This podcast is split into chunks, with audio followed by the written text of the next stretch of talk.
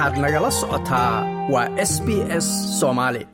waxaanoo wanaagsan akhyaarta na dhegaysanaysaay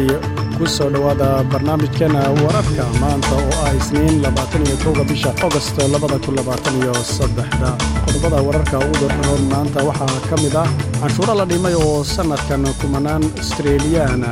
u soo noqon doona. Ra'yi uruurin ayaa waxa ay sheegaysaa boqolkiiba sagaashan dadka siiriya iyo ciraaq ka soo jeeda ee qaxootiga ahaa inay ku faraxsan yihiin waddanka astreeliya ee ay yimaadeen kadib dagaalla ba'an oo waddankooda ka dhacay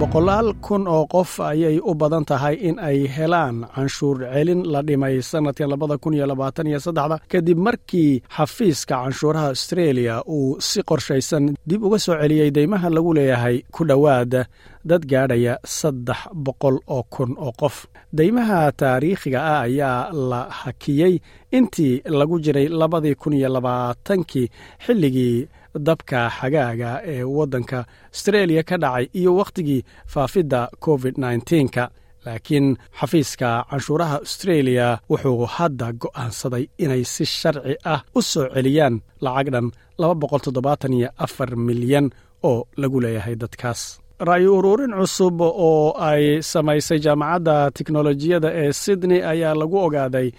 in boqolkiiba sagaashan qaxootiga siiriya iyo waddanka ciraaq ee astreeliya u yimid colaadaha dalkooda ka dhacay daraaddii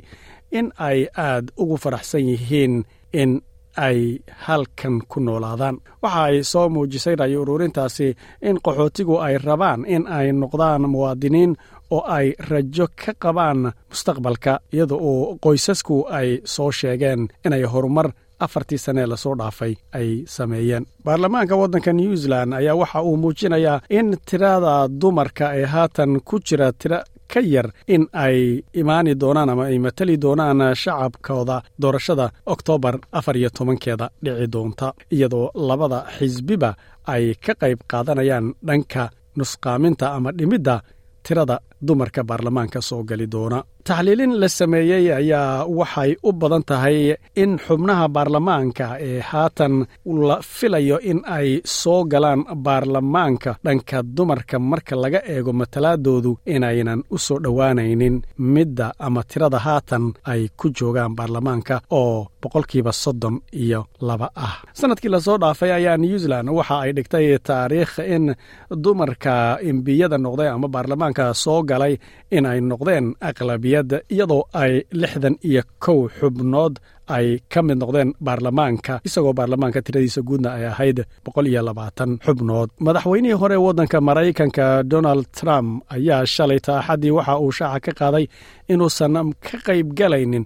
doodaha doorashooyinka ee loogu gogolxaadhayo in lagu kala reebo murashaxiinta xisbiga jamhuuriga ah ee tartamaya bilaabanayana maalinka arbacada ee nagu soo aadan. Trump ayaa waxa uu ku sababeeyey diidadiisaasi uu diidayo inuu ka qayb galo doodahaasi in buu yidhi shacabka maraykanku ay si wanaagsan u garanayaan ayna jirinna wax baahi ah in uu isagu ka qayb galo doodahaasi ay ku baratamayaan xubnaha u baratami doona xisbiga jamhuuriga ah oo isreebreebi doona